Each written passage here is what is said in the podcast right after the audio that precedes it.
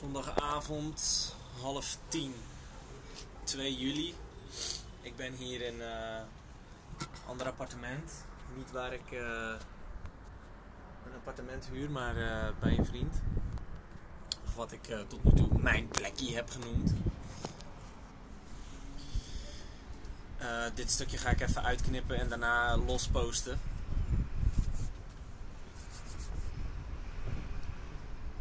Ik ben echt geen goede ouder. En jij ook niet.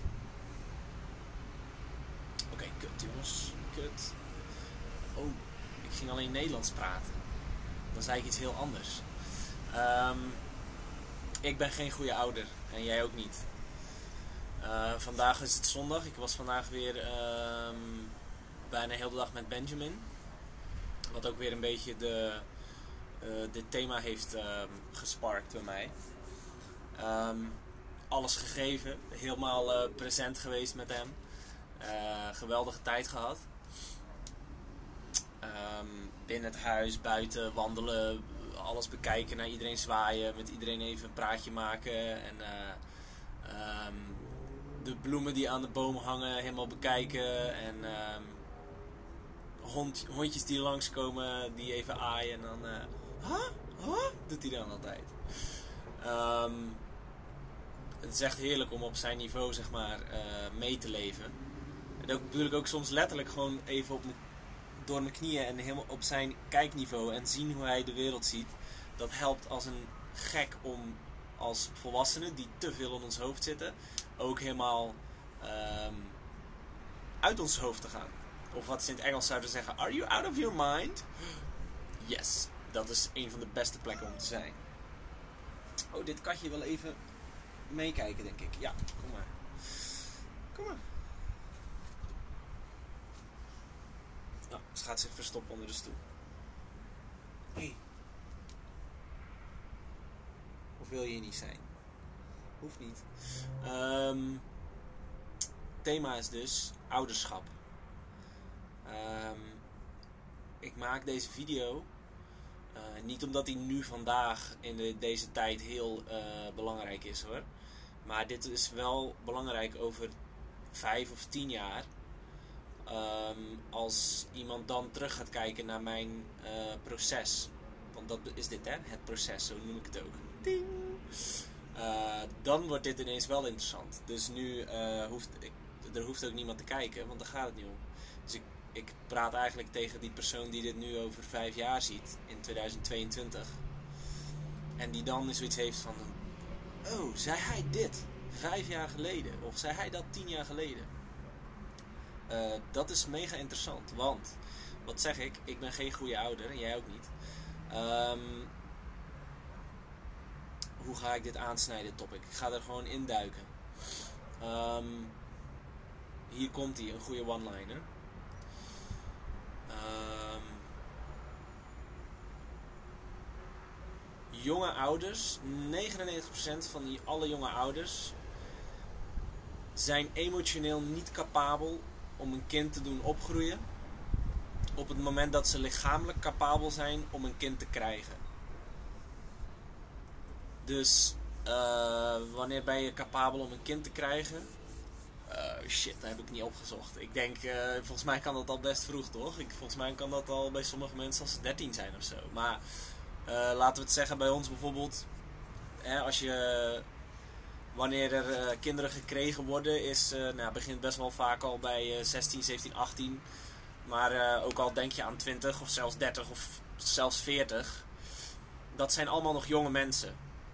En die zijn zelf nog bezig eh, om uit hun kind eh, stuk van het leven te gaan. En er zijn genoeg dertigers en veertigers die nog enorm veel patronen, oude patronen hebben vanuit, eh, vanuit hun jeugd of vanuit hun kind zijn. Die ze volledig onbewust aan het uitleven zijn in hun volwassen leven. Waardoor je, als, waardoor je kan zeggen, die zijn ook nog kind. Ehm, kijk naar mij, ik ben 25. Maar ik ben ook nog een kind. Eh, en ik heb wel en ik heb ook een kind. Ehm, en de regel van de maatschappij is dat degene die een kind krijgen, ook het kind volledig opvoeden en overal voor zorgen. De volledige verantwoordelijkheid ligt ook op de, op de mensen die het kind leven hebben gegeven. Eh, dat, dat, die regel helpt niet als wij als mensen willen groeien en als mensen willen verbeteren. En als je het op grote schaal hebt, eh, kijkt, als wij als mensheid willen groeien en verbeteren. Die regel van de, de, de jonge mensen die een kind krijgen, moeten daar ook voor zorgen en het grootbrengen. Dat helpt daar niet bij. Ehm, dat is er één die er absoluut niet mee helpt. En eh, ik ga het een beetje uitleggen. Dus wat gebeurt er als jonge mensen een kind krijgen? En trouwens, degene die dit kunnen snappen, dat zijn juist ehm, jonge ouders. Eh, zoals ik, maar eh, enige andere jonge ouder die gaat dit voelen. Want wij weten hoe totaal niet capabel wij zijn om een kind goed op te voeden. Ehm, vandaag de dag wordt er ook meer en meer algemeen bekend over wat helpt bij de ontwikkeling van een kind en de ontwikkeling van een brein en bla bla bla. En emotioneel en psychologische ontwikkeling van een kind. En keer op keer, ik ook,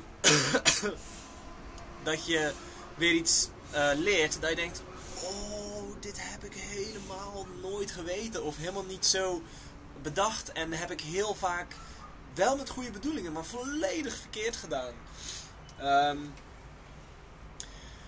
jonge ouders weten dit. Ehm, als je jonge ouder bent. En we hebben er wel gewoon een soort eh, ding omheen gebouwd nu. Dat we zeggen van, nee, dat is oké, weet je wel. Eh, als je gewoon je best doet, dan is dat goed genoeg. Eh, niet echt hoor. niet echt. ik doe ook mijn best. En ik wil ook heel graag geloven dat ik goed genoeg ben. Of dat wat ik doe goed genoeg is. En pas op. het is niet goed of slecht. Ik heb het altijd eigenlijk liever over wat wel of niet helpt. Op de weg naar ehm, betere mensheid toe. Iets, iets wat tegenwerkt of iets wat meehelpt. En, ehm, maar goed, wij gebruiken heel vaak goed en slecht. Maar ehm, ik vind dat we daar van af mogen. Eh, en gewoon dingen bekijken zoals ze zijn. En zeggen, dit helpt wel. Of dit helpt niet bij het doel wat ik voor ogen heb. Nou, ah ja, jonge ouders weten dat dus. En ehm, daarom dat wij ook eh, soms als jonge ouders eh, heel graag leren van mensen die heel veel weten over ehm, kinderontwikkeling. Ik, lig, ik hang bijvoorbeeld aan de lippen van ehm, eh, zeg maar professoren die onderzoek doen naar baby en jonge kinderen hun breinontwikkeling. Ehm, hang aan de lippen. Eh, ik lees heel veel van hun en luister dan op internet, maar ik heb ze nog nooit in het echt gezien. Maar ehm, ik, heb, eh, ik, ik koop er een cursus van. Maar eh, die, er is bijvoorbeeld een, een baby sleep consultant, sciencemommy.com. Zij komt uit Atlanta, geloof ik, Georgia. En daar heb ik contact mee. Ja, mega vet wat ik daarvan heb geleerd. Ehm, ik ga denk ik niet hierin. Oh, dat, maar dat ga ik, ik zeg dat heel vaak. Ik ga bloggen. Nog niks gedaan. Maar ehm, ik ga, een voorbeeld daarvan gaat bijvoorbeeld over eh, baby's die huilen. Baby's die huilen en eh, of je ze dan eh, laat huilen of dat je ze gaat troosten. En ehm, alles in mij zei altijd, ja, maar toch troosten hoor. En dan de wereld om mij heen zei van, nee, die moet je laten huilen. Dan worden ze, worden ze independent van, dan worden ze onafhankelijk van. Anders dan blijven ze je nodig hebben. Eh, en allemaal dat soort dingen. Maar ehm, ik was daar niet tevreden mee en ik ben meer op zoek gegaan. En dan kom je, eh, je vindt altijd wel wat je zoekt. Hè? Zo is het ook. Ik bedoel, eh, als jij wil geloven dat het wel vet relaxed is om een kind gewoon te laten huilen als het 3, 4, 5, 6, 8 maanden is. Dan ga je daar ook supporting evidence voor vinden. Dus zo is het ook. Maar eh, daarom juist, hè, je, hebt, je hebt voor allebei de, de casussen heb je, eh, heb je argumenten die het eh, bevestigen. Dus als je daar er niet mee uitkomt, dan heb je nog maar één leidraad om jouw keuze te gaan maken. En dat is dan wat jouw hart zegt, of hoe jij dat ook wil noemen. Je hart of je ziel of je, weet je wel, je instinct. En bij mij zei dat troosten. En dan eh, ga ik daar naar kijken. Als je die website checkt, dan kan je daar vet veel over leren. sciencemommy.com. En eh, een andere website was. eh, nou goed, die zal wel ergens gelinkt staan in die website. Maar mega interessant, mega interessant. En ik zal het dan even heel snel uitleggen. Bijvoorbeeld, het idee daar is: de eerste anderhalf jaar van een baby zijn super blanco, zeg maar. Eh, die heeft nog niks. Die komt hier niet ter wereld met al een heel eh, systeem in zijn hoofd. Die heeft nog helemaal niks. Dus alles wat hij gaat leren, gaat hij leren van de mensen om hem heen. Voornamelijk de ouders bij ons. Eh, dus als het gaat in situaties van wanneer je een kind laat liggen om te huilen, dan gaat het meestal om dat hij in bed ligt en dat hij gaat huilen en dat je dat dan negeert, zodat hij daarna doorslaapt en niet meer huilt. Maar ehm, wat ik geleerd heb in die cursus bijvoorbeeld, eh, die ik gevonden heb omdat het niet lekker zat bij mij, ehm, dat het laten huilen zeg maar, en ik hem ook altijd oppakte. Eh, dus dat heb ik nog niet gedaan. Eh, wellicht één keer of twee keer, weet je wel. En nooit meer daarna. Het idee daarachter is, het kind is volledig blanco, zeg maar. Dus als een kind huilt s'nachts, dan heeft het op een bepaalde manier stress. Oftewel intern, dat het honger heeft, of dat het luier vies is, of dat het tandpijn heeft, omdat de tandjes doorkomen. Oftewel extern, dat het eh, iets niet veilig vindt. Dat er bijvoorbeeld geluiden zijn die ze niet kent. Of dat er eh, visuele dingen zijn die ze niet kent. Of die hij niet kent. Ehm, en dan gaat er een alarmbelletje af in het eh, interne systeem. En de enige communicatiemanier die een baby heeft is huilen. Dus dan gaat, dan gaat ze huilen. En dan is het, ehm, dan is het een, en ik noem nu het woord taak, maar het is een plezier voor de ouder om dan daarin te gaan in die situatie en dat kind te kalmeren met puur er zijn. Want dat is meestal wat, het, wat die baby nodig heeft. Dus je pakt het op en je houdt het tegen je aan. Als het, een, eh, als het bijvoorbeeld een externe probleem is. Kijk, als het honger heeft of het heeft tandpijn of het heeft een vieze luier, dan moet je dat gewoon fixen.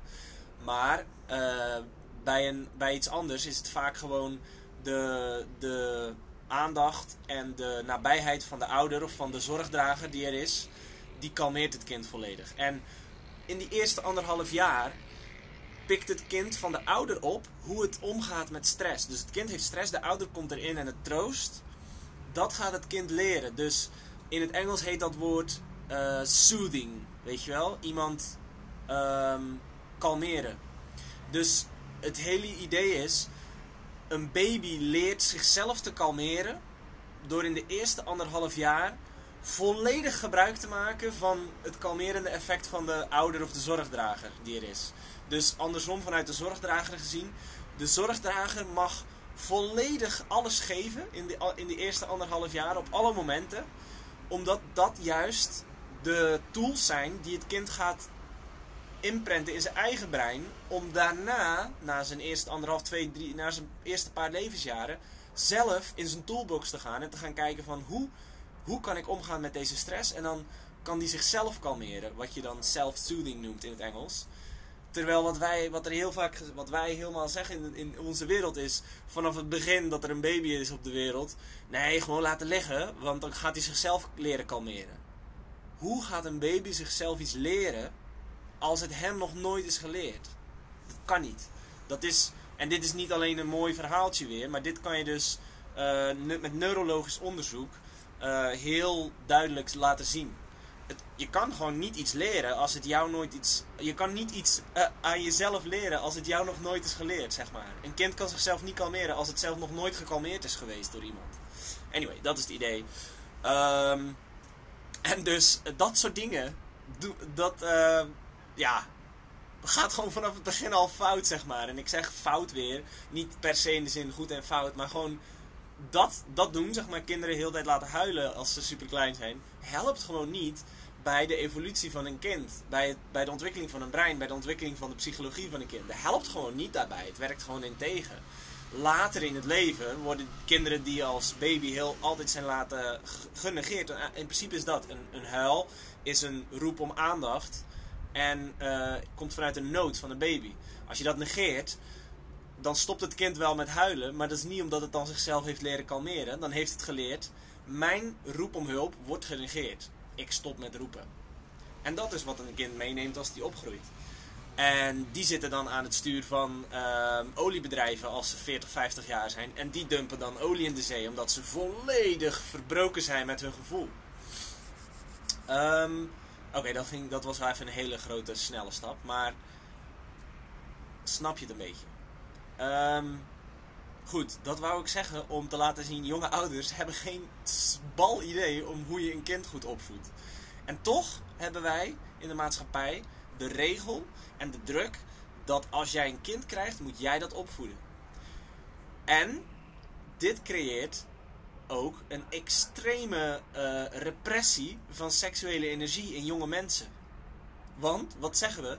Ja, je kan niet zomaar seks hebben hoor, want dan krijg je een kind. En dat moet jij zelf opvoeden. Daar moet jij klaar voor zijn om op te voeden. Holy shit, dat ga ik echt niet kunnen. Maar hoe kan ik dan, hoe kan dan die, die energie die ik voel en dat verlangen om met, met, met diegene of met die andere samen te zijn en, en dingen uit te vinden. Oh, dan is dat echt super slecht dat ik dat heb, weet je wel. En, en dan gaan we dat helemaal stiekem doen, want jongere mensen doen het wel. Hallo, ik heb, waar kwam mijn kind vandaan? Jonge mensen doen dat wel. Dus die gaan echt niet luisteren naar de ouders. Want nu, ouders, gaan tegen hun kinderen zeggen... Ja, wel, eh, wel oppassen hoor. Eh, sommigen zeggen zelf, doe niet hetzelfde als ik. Want dan krijg je ook zo'n jong een kind. Wat zijn we aan het doen? We maken seksuele energie volledig verkeerd. Je mag het niet uiten. Stop het weg. Onderdruk het. En oh wee als je het toelaat, want dan kom je echt in de problemen. Ehm, en dus ehm, wordt het volledig onderdrukt. En een, dat, doen, dat zeggen we dan van nee, maar dat is wel voor het beste, weet je wel. Dat is wel voor het grotere goed. Is er ooit, heeft er ooit evolutie plaatsgevonden doordat we iets natuurlijks, iets natuurlijks onderdrukten? Hebben wij ooit als mensheid, of, of, zelfs in je eigen leven, heb jij ooit ergens echt gewoon een doorbraak in gemaakt? Ben jij beter geworden door iets wat natuurlijk is eh, weg te stoppen en je ervoor te schamen? Nee. Zo gebeurt evolutie niet door dingen, door dingen eh, te onderdrukken. Ehm, dat gebeurt door dingen op de juiste manier te laten floreren en te kanaliseren. Nu, wat is de juiste manier om seksuele energie te kanaliseren? Ehm, dan wil ik het hebben over de manier, of de, de, de regel die we hebben gecreëerd. Namelijk dat jonge mensen die een kind krijgen, dat die ook verantwoordelijk zijn voor het volledige zorgdragen en de opvoeding ervan. En ik zeg het al eerder, jonge ouders, op het moment dat zij lichamelijk capabel zijn om kinderen te krijgen, zijn 99,99% van de tijd emotioneel absoluut niet capabel om een gezond kind groot te brengen. En toch hebben wij die regel dat dat moet. En dan vinden we het raar dat wij allemaal super fucked up zijn als we groter zijn. Ik ben 25. ehm, eh, ik wou zeggen, er zijn nog meer mensen die 25 zijn, maar ja, de. Ehm, maar er zijn heel veel mensen, zo- eh, zoals ik, of jonge ouders, of gewoon jonge mensen, die allemaal iets hebben van. Hey, die, die, die komen bijvoorbeeld bij een psycholoog en die hebben zoiets van: Damn, ik heb nog veel o- uit te vissen in mijn leven. Ik heb nog veel uit te, uit te zoeken in mijn leven, zeg maar. Of heel veel zien dat nooit in. En wat is dat? Die doen gewoon copy-paste van hun ouders. Dus het systeem wat ze van hun ouders hebben gekregen, wordt in hun ingebouwd en dat leven ze gewoon uit. Onbewust. En dat nemen ze gewoon door. En dat geven ze aan hun kinderen door. En er is af en toe bij een kind die zegt stop, hier stopt het. Dat ken je, ken je ook allemaal in alle families. Is er generatie op generatie trauma's doorgegeven en slechte gewoontes. En er is altijd ergens ooit één kind die zegt hier stopt het. En die zijn hele leven helemaal anders doet. Ehm, maar goed, wat ging ik zeggen? Ehm, hoe kun je seksuele energie gezond, een gezonde, op een gezonde manier laten floreren? Nou, dat werkt niet als we zeggen dat jonge mensen 100% verantwoordelijkheid dragen voor het opbrengen en het zorgdragen van een kind. Ehm, wie, zouden, wie zouden er in een ideale wereld zorg dragen, fysiek en emotioneel, mentaal en spiritueel voor een, voor een kind? De hele gemeenschap. Maar nu wordt het lastig, want nu ga ik helemaal vertellen over, ja, maar hoe ziet het er dan uit? En dat kan je je weer niet voorstellen. Want wat wij gaan doen, is we gaan alles in, inbeelden met het plaatje wat we nu hebben van de wereld. Dus uh, ja, maar uh, gemeenschap, um, hoezo dan? Uh, ga je dan in een appartementencomplex, iedereen hoort dan bij elkaar of zo? Kijk, dan gaat het al fout, want alles, ver, alles mag veranderen. Alles mag veranderen. Niks moet, hè, trouwens. Alles wat ik hier zeg ook, maakt helemaal niet uit, hè, als er niks mee gedaan wordt. maar het kan wel. Ik bedoel, we gaan er heus wel geraken ooit op een betere manier van leven. De vraag is alleen hoe snel. Um, dus het hoeft niet van mij, maar het, het kan wel. Um, want we komen er heus wel een keer achter hoor. Um, en wat ik zeg met deze video's is: ik ga wel eerst. En ik leg vast hoe dat proces is van ja, helemaal zeg maar in dit leven nu naar dat nieuwe leven waarin je leeft uit liefde en echte vrijheid. Dus, um, oh ja, je kan dat niet direct inbeelden, want dan ga je het zeg maar verkeerd inbeelden met een te simpel en te klein en te oud beeld. Want dat, dat we hier bijvoorbeeld in appartementencomplexen leven, en dit is ook een beetje de ironie, want ik maak deze video vanuit een appartementengebouw. Maar uh, het feit dat we in appartementencomplexen leven en in grote steden, uh, heeft ook geholpen bij dat hele verhaal van uh, jonge mensen moeten, moeten de zorg dragen voor, de voor het opgroeien van de kinderen. Want wat hebben we gedaan in onze maatschappijen? Lekker individualistisch hoor. Lekker ieder voor zich. Jonge mensen, als ze uit school gaan, nog even studeren en dan hap gelijk een baan. Het liefst ook gelijk het huis uit en een eigen huisje. En dan voelen wij ons allemaal, want jongens, jonge mensen weten dit allemaal. Wij voelen dit allemaal. Dan voel je je ben je vet alleen, heb je geen idee wat het, wat het leven is eigenlijk. Maar ja, je moet wel, want ja, je bent er klaar voor, hebben we gezegd. Want na je studie ben je klaar voor het leven, voor het werk. En dan gaan we werken en dan werken we en dan zeggen we... Is dit hem? Is, is dit hem? Ik snap er geen zak van hoor. En ik voel me echt niet super blij hè. En um, dan doen we dat. Oh ja, en dan gaan we allemaal naar de grote stad, want daar is werk. En dan gaan we daar lekker in ons eentje in een appartement helemaal blauw betalen aan de huur. En als we dan geluk hebben, dan vinden we iemand, een man of een vrouw, en dan grijpen we daaraan vast. En dan gooien we er een ketting omheen en dan zeggen we, wij gaan samen alleen wonen. Gaan we samen wonen. Wij gaan samen nu deze shit uh, doen. En gaan we ons met z'n tweeën opsluiten in dat, in dat hockey. Um, ja, ben ik in ieder geval niet meer alleen. En dat, dat is al best wel fijn. En pas op, het klinkt een klein beetje ridiculiserend, maar wow, rustig aan. Ik, ik, ik ben helemaal mee, hè. Want het is echt niet relaxed soms. Uh, alles alleen aan het doen zijn. En het mooie is meestal in een relatie dat je stiekem met elkaar dat eigenlijk deelt. Zo van, ja, ik heb geen idee waar ik mee bezig ben in mijn leven. Ik weet niet wat het, uh, wat het leven eigenlijk is. Uh, ja, ik ben wel aan het werk en ik heb wel gewoon een goede auto en, uh, en een goede voorwaarden, maar ik weet niet. En dan je partner heeft zoiets van, ja, ja, dat snap ik en zo. En ik heb dat ook. En dat is super nodig. Um, dat is denk ik uh, zwaar onderdeel van het proces, want dan heb je eindelijk iemand waarmee je dat kan delen. Want de rest van de wereld mag het echt niet weten, want dan denk je van, ja, dan, dan, uh, dan val ik door de mand. Dan zien ze dat ik, dat ik eigenlijk helemaal niet klaar ben voor het leven. Dus daarom is die, zijn die intieme relaties heel, heel goed, heel behulpzaam. Maar het is ook tegelijkertijd wel een beetje grappig dat we dan het eigenlijk gewoon met z'n tweeën maar alleen gaan doen, zeg maar. Maar dat is het heel erg. Dus we doen het heel erg alleen. En ik zeg dan bijvoorbeeld, wie zou er dan in een ideale wereld uh, helpen met het opgroeien van het kind en het, het uh, teachen, hoe zeg je dat? Het, het prediken? Ik weet niet, dat klinkt wel heel serieus, maar het, het, het, het uh, lesgeven van de waarheden van het, van, van het leven. Of uh, weet je wel, over hunzelf. Wie doen dat? Dat zijn oude, wijze mensen. Of gewoon kunnen wat jongere mensen zijn, maar die gewoon specialist zijn in een bepaald gebied. Bijvoorbeeld, je hebt hele goede um, turners bijvoorbeeld. Die kunnen perfect um, turnles geven. Die hoeven daar niet 60 voor te zijn. Maar mensen die heel wijs zijn, die zijn bijvoorbeeld ouder vaak. Die hebben een sterke die hebben een sterk verstand. En vaak een zwak lichaam. Jonge mensen hebben vaak een sterk lichaam, maar nog een vrij zwak verstand. Uh, ik bedoel, Eh, dat is gewoon een feit. En daarom is het ook hartstikke goed dat jonge mensen kinderen krijgen, want daar is hun lichaam super sterk voor. Alleen ons hoofd is echt niet capabel om hun alle waarheden van het leven mee te geven. We zijn ze zelf nog aan het uitzoeken.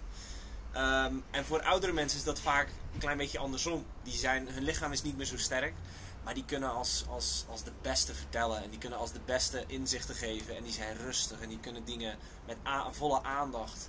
En heel veel uh, bezorgdheid kunnen die dat uh, overbrengen. Um, maar wat hebben wij gecreëerd vandaag in onze samenleving? Uh, lekker alle jonge mensen bij elkaar. En alle oude mensen gaan we helemaal afrachen in het systeem voor een, een loon waarbij ze zichzelf gewoon net genoeg wel kunnen onderhouden. En ook nog een beetje leuk leven, maar meer ook niet.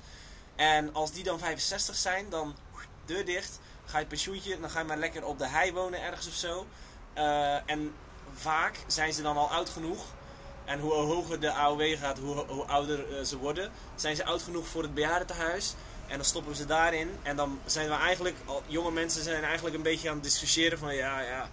Het is wel een beetje een, uh, een zorg hè, dat die oude mensen, we betalen er dik voor. En weet je, wat, volgens mij is dat nu hot ik volg geen nieuws, hè, maar van dat er nu zo'n hele hubs met pensioen gaat. En dat wij als jongeren daar moeten voor betalen. En dat wij dan weer minder krijgen, dat is niet normaal. Wat wij aan het doen zijn, is we, separeren volledig jonge en oude mensen. En um, we noemen de oudere mensen zelfs een last nu, weet je wel. We vinden ze zelfs lastig. En we waarderen ze absoluut niet voor wat ze zijn. Eerlijk, iemand die 65 is. Ik zie het bij mijn eigen pa bijvoorbeeld. Hij uh, werd echt super hard gevraagd door bedrijven om nog even te blijven toch. Want hij weet nu zoveel. Hij is nu op dat punt waar hij zoveel weet. Dat hij super goede adviseur is en een super goede leider en dit en dat. En nu is het punt dat hij zegt, nee ja, nu kan ik echt wel met werken. Nu ga ik het echt niet meer doen. Nu ga ik van mijn leven genieten, van mijn kleinkinderen genieten en zo. Maar oudere mensen, die kunnen zoveel waarde toevoegen. En over, dus in het geval van waar ik nu over praat bij het opvoeden van kinderen. Maar ook bij het groeien van bedrijven. Dat zijn de beste, allerbeste adviseurs die er zijn. Het zijn meestal ook de mensen die, die rustig zijn. Kijk mij, ik ben nog een heel drukke boy. Maar die mensen zijn rustig, weet je wel. Die kunnen met aandacht mensen iets leren. Die helpen, die zijn heel duidelijk. Um, die zijn daar super waardevol voor. En wat doen wij? We gooien ze weg. Op het moment dat ze juist waardevol worden, gooien we ze weg. In een bejaardentehuis. En dan gaan we daarna ook nog zeiken dat ze een last zijn. Um, alleen het ding is ook dat ze zelfs vandaag zijn heel veel ouderen ook niet super waardevol meer soms. Omdat we ze nooit ook. Um, omdat ze zelf ook vast hebben gezeten in dit systeem. Namelijk dat ze zelf de patronen van hun ouders hebben meegekregen. Waardoor zij heel gelimiteerd hebben geleefd. En met allerlei psychologische problemen hebben gezeten. Waardoor ze ook zelf nooit tot bloei zijn gekomen als jonge mens. En dus ook als ouderen ook niet per se extreem veel wijsheid hebben vergaard. Alleen maar gewoon op een bepaald moment gedacht hebben van ja, dan settelen we hiervoor. En dan rijd ik het wel uit, zeg maar, dit. Want dat is wat oudere mensen vaak doen. Dus dan rijden we het wel uit tot aan het pensioen. En dan ga ik genieten. En dan zijn ze gebroken en oud. En dan gaat al het geld naar de dokter. En dat is het.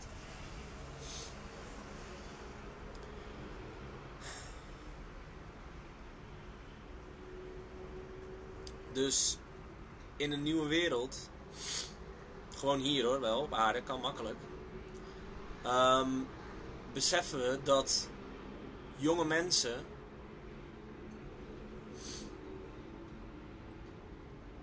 een tijd hebben om levenswijsheid en waarheden over het leven te gaan vergaren.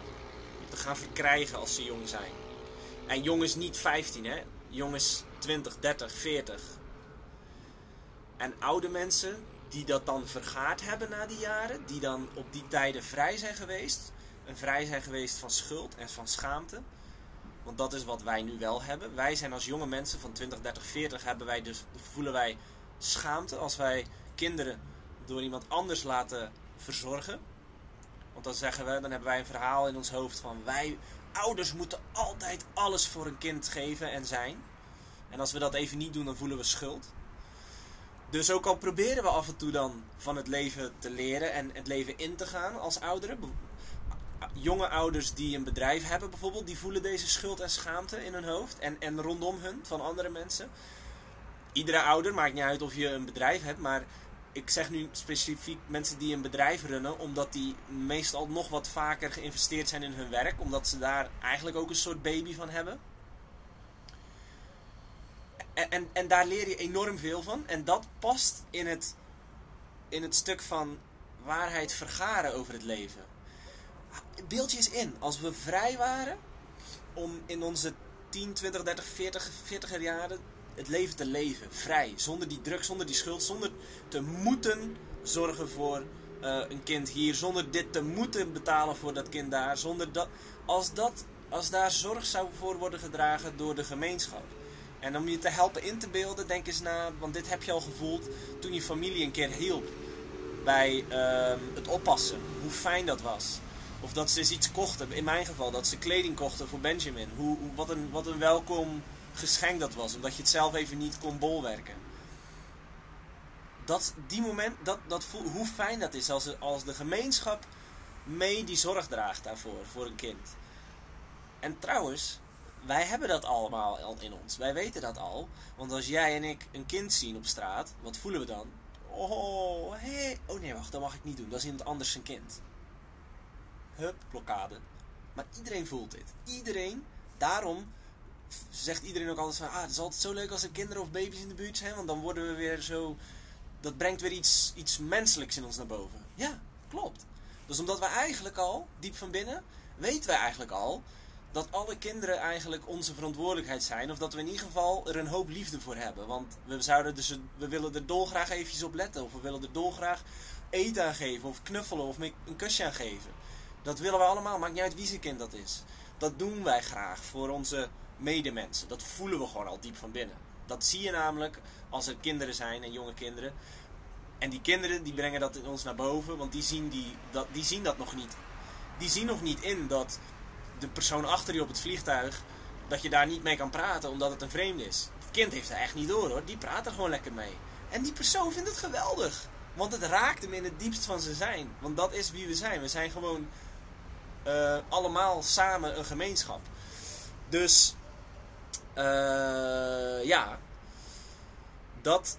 En, stel je dus voor dat dat altijd zou zijn. Dat jij als 10, 20, 30, 40, soms 50-jarige alles mag geven in je leven. En dat je bijvoorbeeld um, alles kan doen. Dat je dat bedrijf mag bouwen zonder schuld, zonder schaamte. En dan als jij 50, 60 jaar bent, dat je dan die wijsheid vergaard hebt. En dat jij dan vol, dan, dan is het je grootste wens om iets aan kinderen te leren. Geloof mij, dan is het je allergrootste wens om dat te doen. Dan heb je zoiets van, ja, dat, dat bedrijf, dat heb ik nu al gedaan. Ik vind het nu geweldig om iets met kinderen te doen, weet je wel? Om iets te geven aan, aan jonge mensen. En beeld je dat eens in, wat een wereld dat is. Um, het is best wel vrij. Maar, zoals met alles, het kan allemaal heel tof klinken, maar het is er nog niet. En het, eh, het is allemaal veel te idealistisch en uh, gozer, dat doe nou eens normaal man, en dat kan helemaal niet. Maar, daarom moet ik het eerst voor mezelf maken. Ik kan niet zeggen, hey, doe jullie eens even zo. Eerst ga ik het zelf doen. En dat is waar heel deze video's over gaan. Ik ga wel eerst. En ik zal laten zien hoe het proces is om daar te geraken. Waar ik allemaal tegenaan kom, tegenaan loop. Hoe ik ermee omga. En daarom zijn deze video's leuk over 5 tot 10 jaar. Vandaag prima, maar over 5 tot 10 jaar is het interessant om te zien hoe dit begon en hoe dat proces ging. Dus vandaar. Dit is hem. En uh, tot de volgende.